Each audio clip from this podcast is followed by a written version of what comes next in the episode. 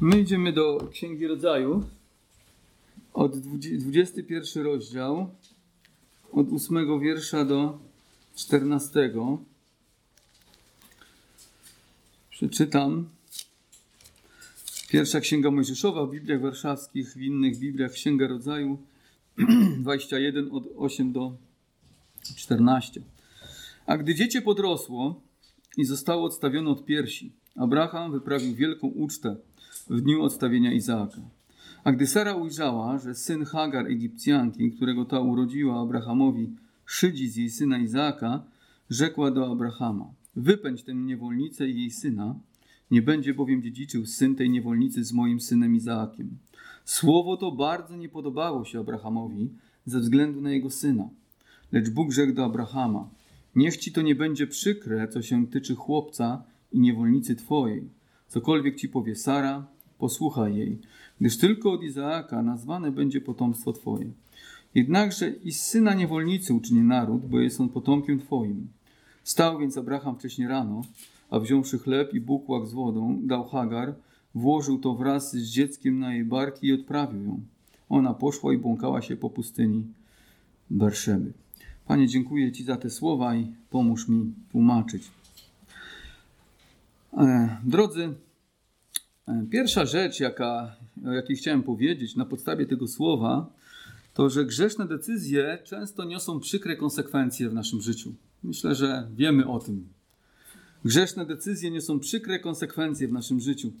Wiele osób podejmując życiowe decyzje nie zastanawia się, jakie to będzie miało konsekwencje w przyszłości. Kierowca wsiadając pod wpływem alkoholu do samochodu za kierownicę często nie myśli, że jest duże prawdopodobieństwo spowodowania wypadku, narażenia kogoś na śmierć, utraty prawa jazdy, a jeśli na przykład prawo jazdy jest związane też z pracą, no to może utraty dochodu w domu i jakieś dodatkowe kłopoty. Nie tylko cierpi on, ale cierpi też wiele osób. Często młodzi podejmują współżycie przed ślubem, nie zastanawiając się, jakie to będzie miało konsekwencje, gdy pojawi się dziecko. Jedno ze współmarzonków decyduje się na zdradę, ale nie myśli o tym, jak to wpłynie na relacje małżeńskie w całej rodzinie, na dzieci i innych. I gdybyśmy jako chrześcijanie częściej zastanawiali się, jakie owoce nasze decyzje przyniosą w przyszłości, to z pewnością bardziej rozważnie byśmy je podejmowali. Niestety zbyt rzadko pamiętamy o ważnej zasadzie, która jest nam przedstawiona w Biblii. Bardzo ważna zasada, warto się nauczyć jej na pamięć. To, co siejemy, to będziemy zbierać. To, co siejesz, będziesz zbierał. Nie da się posiać pszenicy i, zbierać, e, nie wiem, jabłka. Jak powiedziesz, powiedziesz pszenicę, to zbierzesz pszenicę. Prawda? Jak posiedziesz coś dobrego, to będziesz zbierał coś dobrego. Jak będziesz siał zło, będziesz siał grzech, to będziesz zbierał po prostu problemy, kłopoty i trudności. Abraham z Sarą wiele lat wcześniej zdecydowali się na urodzenie dziecka z niewolnicy, sprzeciwiając się w ten sposób Panu Bogu. Zamiast cierpliwie czekać, aż Bóg wypełni dane im słowo i urodzi się syn obietnicy, postanowili samodzielnie przyspieszyć ten proces. W wyniku ich decyzji urodził się syn, Ismael, biologiczny syn Abrahama i Hagar, niewolnicy Sary. I szybko oni doświadczyli przykrych konsekwencji swoich czynów, bo doprowadziło to przede wszystkim do osłabienia ich relacji małżeńskiej. Wiemy, że już na początku były kłótnie z tego powodu, problemy. Hagar zaczęła gardzić e, Sarą. To więc bardzo szybko pojawiły się spięcia w małżeństwie Abrahama i Sary. Abraham nad, y, też wywoływało to kłótnie i napięcia w ich domu przez 17 lat, około 17 lat. Pomyślcie sobie. To nie była jedna kłótnia, dwie, ale 17 lat. Nie mamy dokładnie opisane, jak wiele było tych kłótni, ale myślę, że bardzo dużo. Bardzo dużo smutku, frustracji i problemów z tego powodu. Widzimy, że Izaak podrósł i Abraham postanowił wyprawić wielkie przyjęcie. Tu czytamy w naszym fragmencie, w ósmym wierszu. A gdy dziecię podrosło i zostało odstawione od piersi, Abraham wyprawił wielką ucztę w dniu odstawienia Izaaka. Dla nas dzisiaj e, to nie jest może nic wyjątkowego, kiedy kobieta przestaje karmić. Nie wyprawiamy może tak wielkiego przyjęcia jak Abraham. Wtedy Izaak miał około 3 lat. Odstawienie od piersi było między 3 a 5 lat. To więc 3 lata, może trochę więcej jak 3 lata. Ale musimy wiedzieć, że w tamtym okresie dzieci miały dużo mniejsze szanse przeżycia. To więc ten okres, kiedy kobieta karmiła piersią, był uważany za najsłabszy okres dziecka. Więc w momencie, kiedy odstawiano takiego małego człowieka od piersi, właśnie często wyprawiano wielką ucztę i dziękowano Bogu, że Bóg pozwolił przeżyć temu młodemu człowiekowi. Podczas gdy Izaak stawał się bardziej samodzielny, Ismael, jego przyrodni brat, stawał się dla niego bardziej przykry. Sara zobaczyła, że dokucza on Izaakowi, szydzi i śmieje się z niego. Czytamy o tym w dziewiątym wierszu. A gdy Sara ujrzała, że syn Hagar Egipcjanki, którego ta urodziła Abrahamowi, szydzi z jej syna Izaaka. Czyli ten miał 3 lata, może 4, a ten miał około 16-17 lat. Był nastolatkiem. To więc zaczął dokuczać swojemu przyrodniemu bratu. Z pewnością chwili, zanim urodził się Izaak, Ismael był w centrum zainteresowania Abrahama, a nawet wiemy, że kojarzono z nim Boże obietnice. Teraz, kiedy Izaak przyszedł na świat, Sara widziała w Ismaelu zagrożenie dla bezpieczeństwa Izaaka i jego dziedzictwa. Apostoł Paweł, odnosząc się do tej sytuacji w liście do Galacjan, mówi, że Ismael prześladował Izaaka. Galacjan 4:29.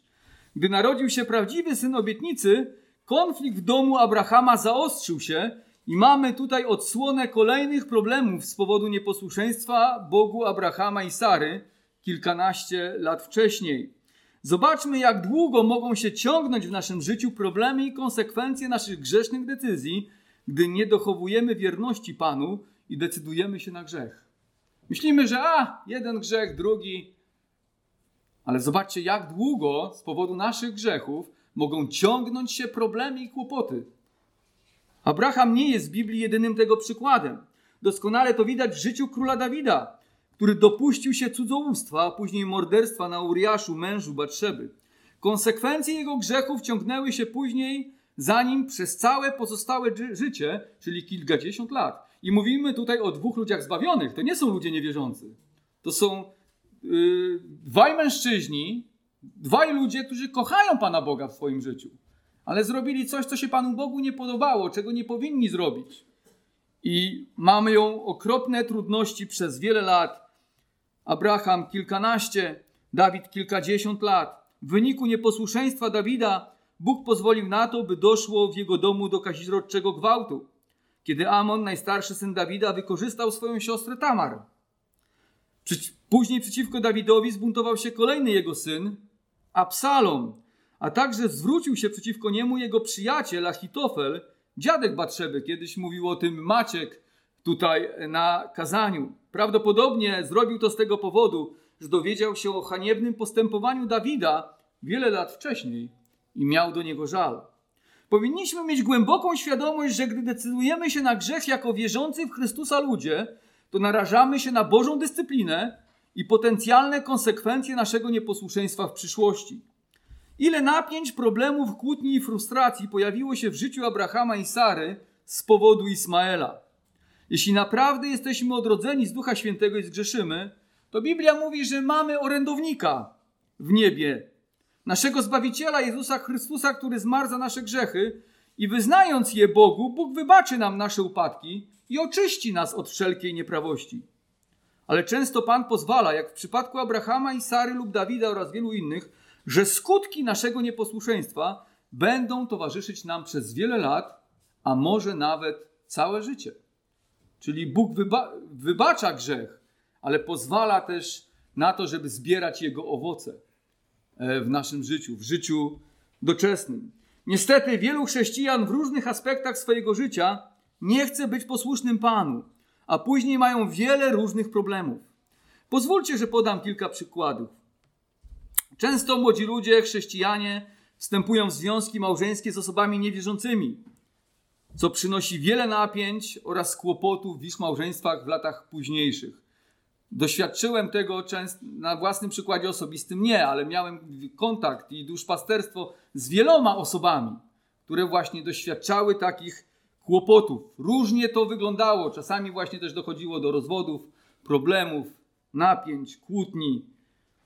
Część chrześcijan też bagatelizuje konieczność dbania o stałą społeczność z Panem Jezusem i pozwala sobie na brak osobistej modlitwy, karmienia się Słowem Bożym, opuszczania wspólnych zebrań, co powoduje, że ich serca stają się letnie i oziębłe dla Ewangelii. A z tego wynikają kolejne problemy. No bo jak twoje serce jest oziębłe i letnie dla Ewangelii, to podejmujesz złe decyzje, które są nieboże. A jak podejmujesz nieboże decyzje, no to na pewno będziesz miał jakieś kłopoty w swoim życiu, które będą się piętrzyły, niepokój, wyrzuty sumienia i to wpływa później destrukcyjnie na kolejną, na całą naszą codzienność. Możemy wdawać się również w bezmyślne oraz bezsensowne spory, plotki i kłótnie, a wiemy, że kto sieje wiatr, zbiera burzę. Prawda? Czasami wdajemy się bez sensu. Jakieś kłótnie z ludźmi i po co? Robimy sobie kłopoty i problemy. Nigdy nie doszłoby do napięć, trudności, smutku, rozczarowań i bólu, jaki doświadczyli Abraham z Sarą przez te kilkanaście lat, gdyby cierpliwie czekali na wypełnienie Bożej obietnicy i nie kombinowali sami. A teraz w związku z tym Abrahama czeka kolejna próba. Ma wypędzić swojego syna Ismaela z jego matką, co jest dla niego szczególnie bolesne. Musi oddalić ich. Druga rzecz w tym fragmencie jest taka, że to, co cielesne, zawsze będzie prześladować to, co duchowe. Dr Zobaczmy, że Ismael prześladuje Izaaka i być może dla wielu nie ma w tym nic nadzwyczajnego. Po prostu rywalizacja rodzeństwa. Ale apostoł Paweł objawia nam głębszy sens tego stwierdzenia w liście do Galacjan. Otwórzmy list do Galacjan 4:29. Apostoł Paweł mówi to w kontekście nakłaniania wierzących w Chrystusa przez żydowskich nauczycieli, by chrześcijanie porzucili zbawienie wyłącznie z łaski i zawrócili do zakonu. I apostoł Paweł w tym kontekście mówi tak: Lecz jak ongiś ten, który się według ciała narodził, prześladował urodzonego według ducha, tak i teraz. Zobaczcie, że chodzi o to, że powody prześladowania Izaaka nie wynikały w życiu Ismaela wyłącznie z jakichś osobistych niechęci czy pragnienia otrzymania dziedzictwa, ale były podyktowane nienawiścią do Słowa Bożego. W taki sposób właśnie też o tym mówi apostoł Paweł. Zarówno Hagar, jak i Ismael znali obietnicę daną Abrahamowi, że będzie miał syna i syn obietnicy będzie po nim dziedziczył. To było w domu Abrahama jasne. Wiedzieli, że dlatego też urodził się Ismael.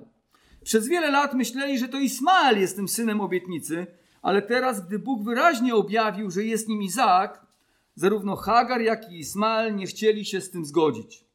Zamiast pokornie uznać Boże drogi, to buntowali się i prześladowali syna obietnicy. Po prostu sprzeciwiali się Panu Bogu. To więc u podstaw niechęci Ismaela do Izaaka leżał bunt przeciwko Słowu Bożemu. Dlatego Paweł mówi, że urodzony według ciała prześladował urodzonego według ducha. Drodzy, dzisiaj to chrześcijanie są dziećmi obietnicy, zrodzonymi przez Ducha Świętego za sprawą ofiary Pana Jezusa Chrystusa na krzyżu i wynikającej z niej łaski. Ale tak jak Ismael nie chciał uznać syna obietnicy, tak chrześcijanie nigdy nie będą uznani i zaakceptowani przez ten świat. Dzisiaj pastor Krzysztof czytał świadectwo Nali, prawda, która jest prześladowana w świecie muzułmańskim, ale to jest nasza codzienność. Już od momentu, kiedy Jezus powołał wierzących, kiedy założył Kościół, już mówił o tym, że chrześcijanie będą prześladowani przez ten świat. Dzieje się tak dlatego, że cały świat należy do ciemności, grzechu. Jest póki co pod władaniem szatana.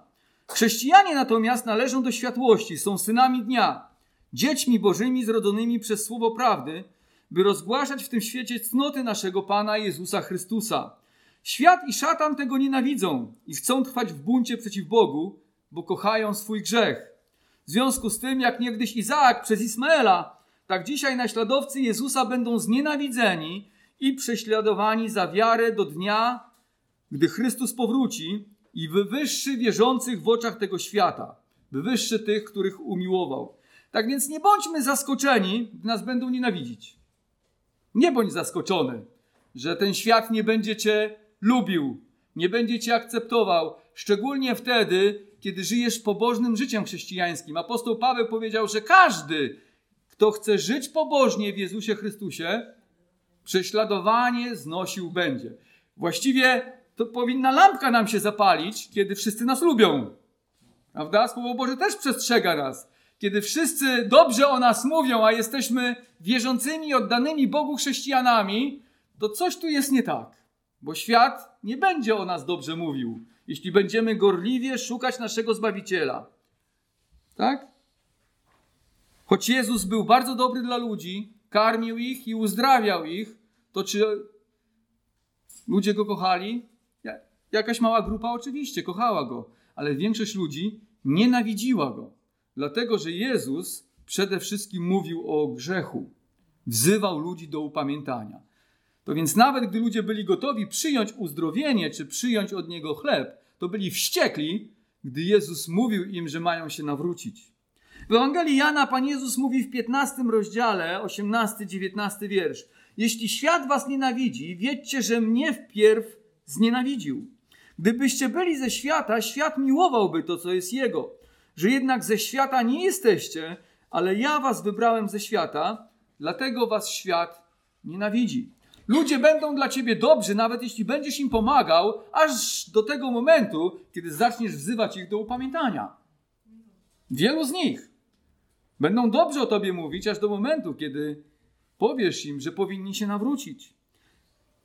Nienawidzi nas świat, mówi Jezus, bo nie jesteśmy ze świata. Żyjemy innymi wartościami. Świat jest napędzany przez grzeszne porządliwości, będąc w mocy diabła. Dzieci Boże zaś chcą żyć w prawdzie, w czystości, szczerości, miłości, przebaczeniu, pokoju, radości, uprzejmości, wstrzemięźliwości, dobroci i poddaniu Chrystusowi. W świecie dla takich nie ma miejsca, stąd ciągły konflikt między tym, co duchowe i cielesne. Już od początku. Tak więc nie dziwmy się, jeśli świat nas nie będzie nienawidził. Czasami nawet nasza rodzina, nawet nasi najbliżsi, najbliżsi mogą mieć wrogi stosunek do nas. Nie wiem, czy macie takie wrażenie, znaczy takie odczucie, że jest taki opór między tobą a ludźmi tego świata. I często ten opór narasta, szczególnie wtedy, gdy chcesz dzielić się tym, co jest najbardziej cenne dla ciebie Jezusem Chrystusem. Wszystko jest dobrze, póki imię Jezusa nie pojawi się w rozmowie. Wtedy często ten opór jest o wiele, wiele większy. I trzecia rzecz z naszego fragmentu to jest, że to, co z ciała ma zostać porzucone przez wierzącego. Zobaczcie na 10, 12 wiersz. Rzekła do Abrahama, oczywiście Sara, wypędź tę niewolnicę i jej syna, nie będzie bowiem dziedziczył syn tej niewolnicy z moim synem Izaakiem. Słowo to bardzo nie podobało się Abrahamowi ze względu na jego syna, lecz Bóg rzekł do Abrahama: Niech ci to nie będzie przykre, co się tyczy chłopca i niewolnicy twojej, cokolwiek ci powie. Sara, posłuchaj jej. Czy nie jesteście czasami oburzeni, czytając tą historię, że tak nieludzko miał zachować się Abraham wobec Hagar i Ismaela? Powiem wam, że wiele razy byłem oburzony tą historią. Myślałem sobie, dlaczego? Dlaczego? Przecież oni mogli umrzeć. Wypędzić ich na pustynię? Na pustynię? Czy nie macie pytań w swoim sercu, czy rzeczywiście takie drastyczne kroki były konieczne? Zobaczmy, że Sara zażądała od Abrahama, by wypędził Hagar z Ismaelem. Co za bezbożna kobieta, ktoś mógłby powiedzieć. Prawda? Jak nieludzko postąpiła z tym chłopcem i z tą swoją niewolnicą. Sara oczywiście zrobiła to w złości. Oraz może prawdopodobnie zazdrość też była podyktowana. Gdzieś tam u podłoża tej decyzji w jej sercu leżała zazdrość, złość na swoją niewolnicę. Miała pretensje do niej. Ale wiemy, że już od wielu lat ciążyła jej ta sprawa na sercu. Teraz pojawiła się okazja. Możemy być pewni, że niejednokrotnie żałowała swojej zgody, żeby, żeby Abraham miał potomstwo z jej niewolnicy. Sara miała pretensje do swojego męża w związku z tą sytuacją już w szesnastym rozdziale, mówiąc, że to z jego winy tak się stało, bo chciał mieć syna. I ona się na to zgodziła. A teraz, kiedy urodził się Izaak, postanawia ostatecznie rozprawić się ze swoją niewolnicą i Ismaelem. Jednak dla Abrahama to był cios. Czytamy o tym w jedenastym wierszu. To nie było dla niego proste. Trudna sytuacja. Słowa te bardzo nie podobały się Abrahamowi z tego powodu, że kochał, bo kochał Ismaela. Ten hebrajski zwrot mówi, że bardzo nie podobały się, oznacza też, że bardzo się trapił.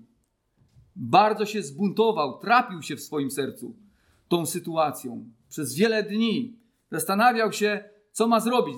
Jednocześnie nie chciał mieć konfliktu ze swoją żoną, Sarą, chciał, żeby były dobre relacje między nimi, prawda? Ale z drugiej też kochał Ismaela. To był też jego syn, tak jak i Izaak, który pochodził od niego. Abraham przez 16 lat wychowywał Ismaela. Przez ten cały okres pomagał mu Ismael w pracy. Chodzili wspólnie na spacery, śmiali się razem, rozmawiali, spędzali wspólnie czas i była między nimi bliska więź, jaką ma ojciec z synem. Wyobraź sobie, 16-17 lat wychowujesz dziecko i teraz miałbyś wypędzić swojego własnego syna z domu? Bardzo ciężka sytuacja. Ciążyło mu to na sercu. Więc gdy Sara zażądała, by wypędził swego syna, nie chciał tego zrobić. Może powinien przekonać Sarę, żeby zaakceptowała, że Hagar i Ismael są częścią rodziny. Nie czytamy tego, ale prawdopodobnie Abraham modlił się w tej sprawie do Boga, bo w końcu Bóg do niego przemówił, że powinien posłuchać Sary. Mogło mu się wydawać, że decyzja Sary jest zła, ale teraz dostał potwierdzenie od samego Boga, że jest to właściwy kierunek. Czytaliśmy w 12 wierszu, lecz Bóg rzekł do Abrahama: Niech ci to nie będzie przykre, co się tyczy chłopca i niewolnicy twojej. Cokolwiek ci powie Sara, posłuchaj jej. No dobrze, Sara to Sara. Prawda? Jest rozżalona, boi się o Izaaka, więc zrozumiałe jest, że chce wywalić z domu Hagar i Ismaela. Ale Bóg? Dlaczego? Prawda? Dlaczego Bóg chce wywalić Hagar i Ismaela? Wydaje się, że teraz decyzja Abrahama jest jeszcze trudniejsza.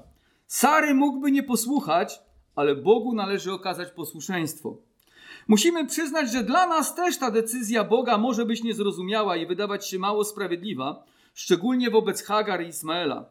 Oczywiście Bóg jest suwerenny i nie musi tłumaczyć się nam ze swoich decyzji, ale wydaje się, że w tej sytuacji jest wyjaśnienie. Bóg podaje jeden powód. Gdyż tylko od Izaaka nazwane będzie potomstwo Twoje.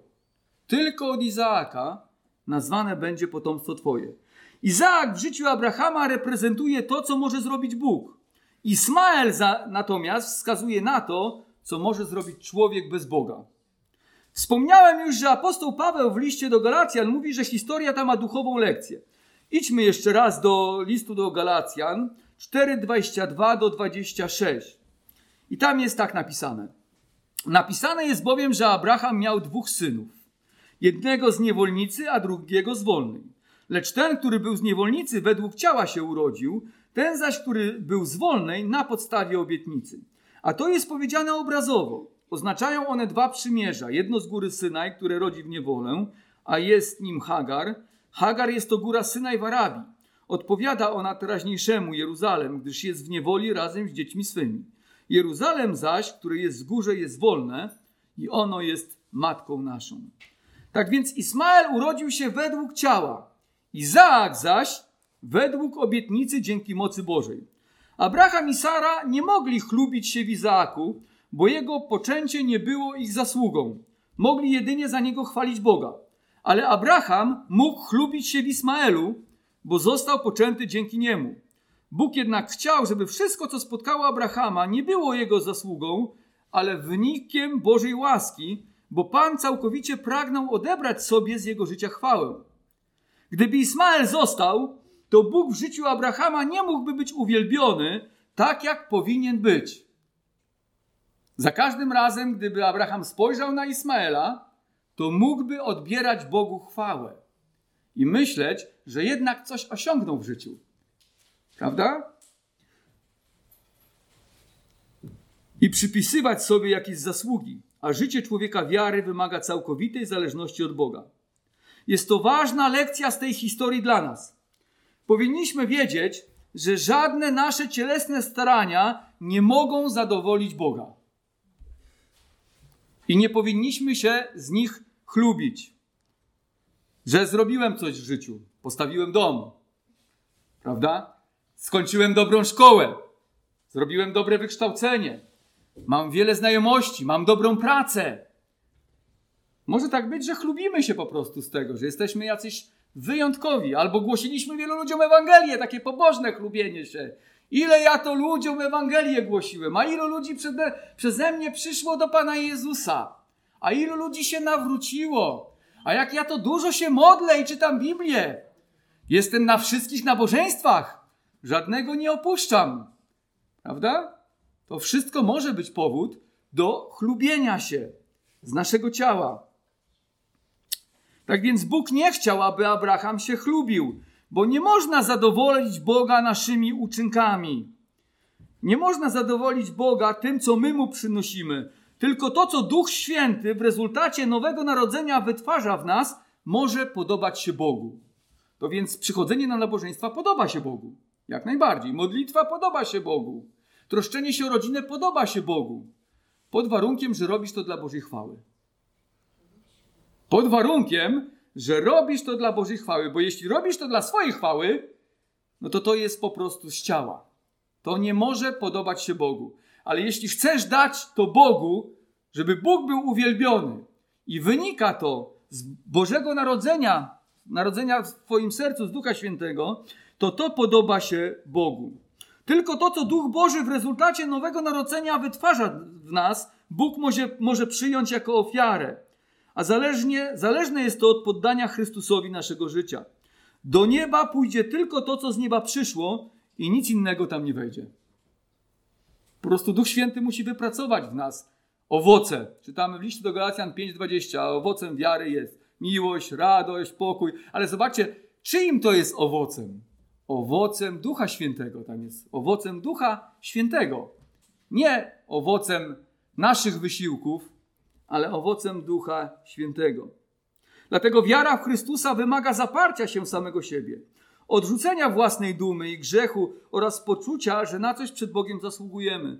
Ilu to ludzi dzisiaj jest bardzo, bardzo religijnych, może nawet o wiele gorliwszych niż ja i ty jesteśmy, ale nie znają Jezusa Chrystusa, nie znają łaski i wciąż chcą chlubić się ze swego ciała. Jak oni blisko są Pana Boga, jak oni bardzo mocno przestrzegają Bożych przykazań, jak oni dużo czasu się modlą, jak wiele rzeczy dla Pana Boga robią.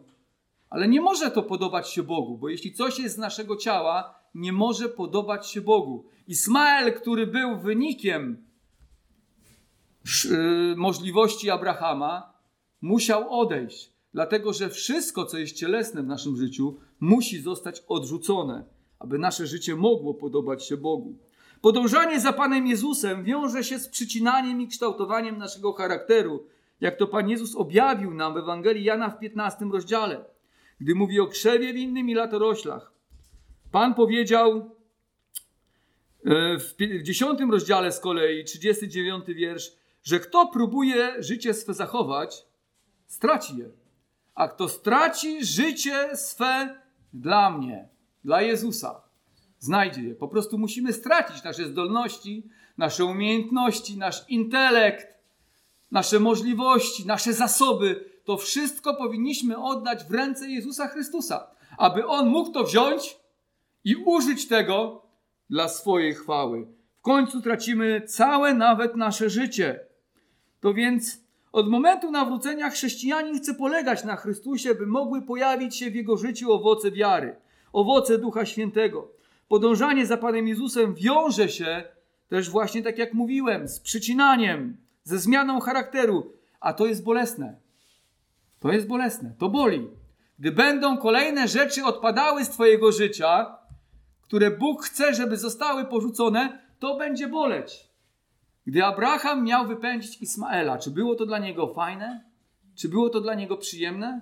Było to dla niego bardzo bolesne. Gdy Bóg chce uporać się z naszą pychą, z naszą złością, z kłamstwem, z jakimś grzechem w naszym życiu, gdy jesteśmy wierzący i prosimy na nabożeństwie nieraz, Panie Boże, przemień mój charakter. A jak Bóg ma przemienić Twój charakter?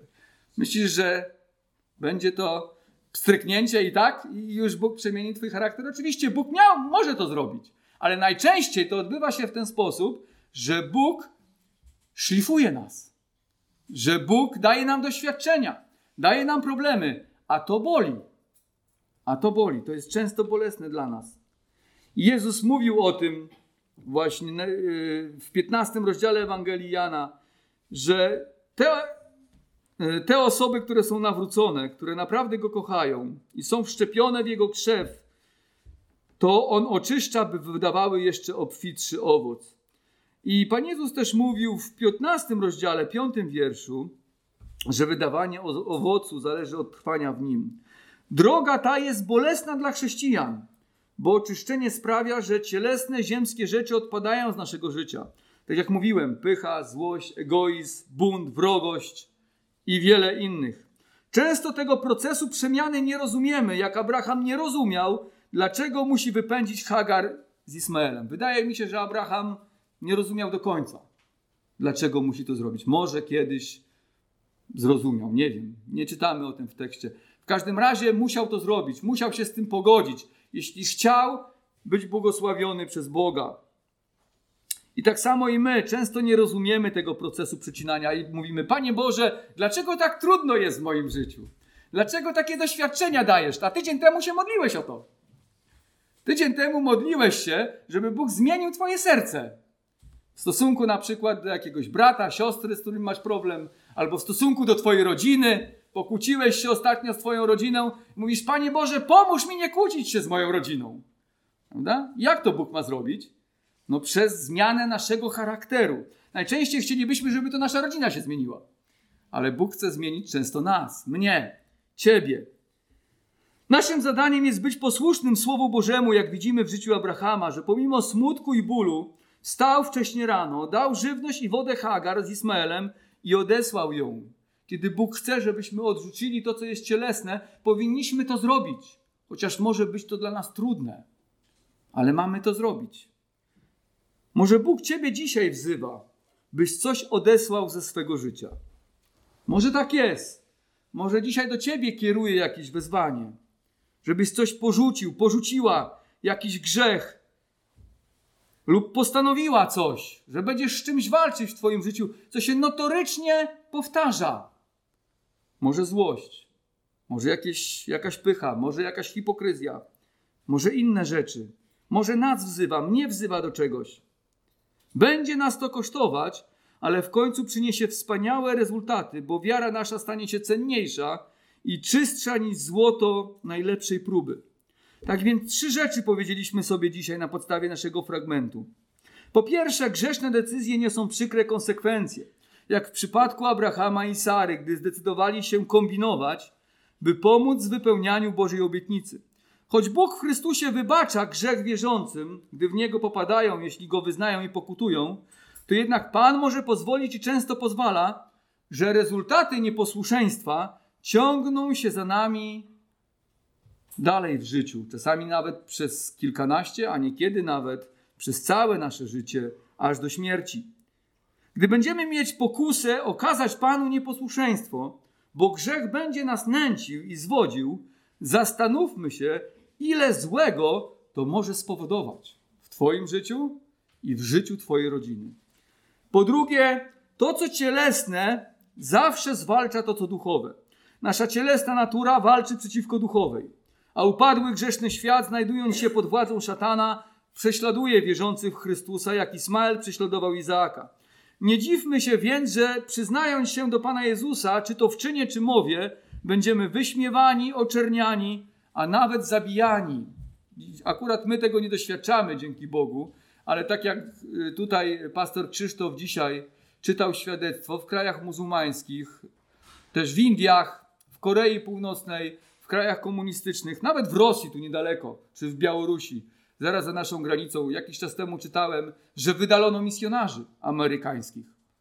Prawda? I zamknięto tą pracę. To więc nie dziwmy się, gdy przyznają się do Pana Jezusa, będziemy prześladowani. Raczej powinniśmy, jak mówi Piotr Apostoł w swoim liście, cierpieniem naszym wielbić Boga, wiedząc, że tak samo traktowali naszego Pana. I ostatnia, trzecia rzecz to cielesne w naszym życiu nie może przynieść chwały Bogu. To to cielesne i musi zostać porzucone, jak Abraham musiał wypędzić Hagar z Ismaelem.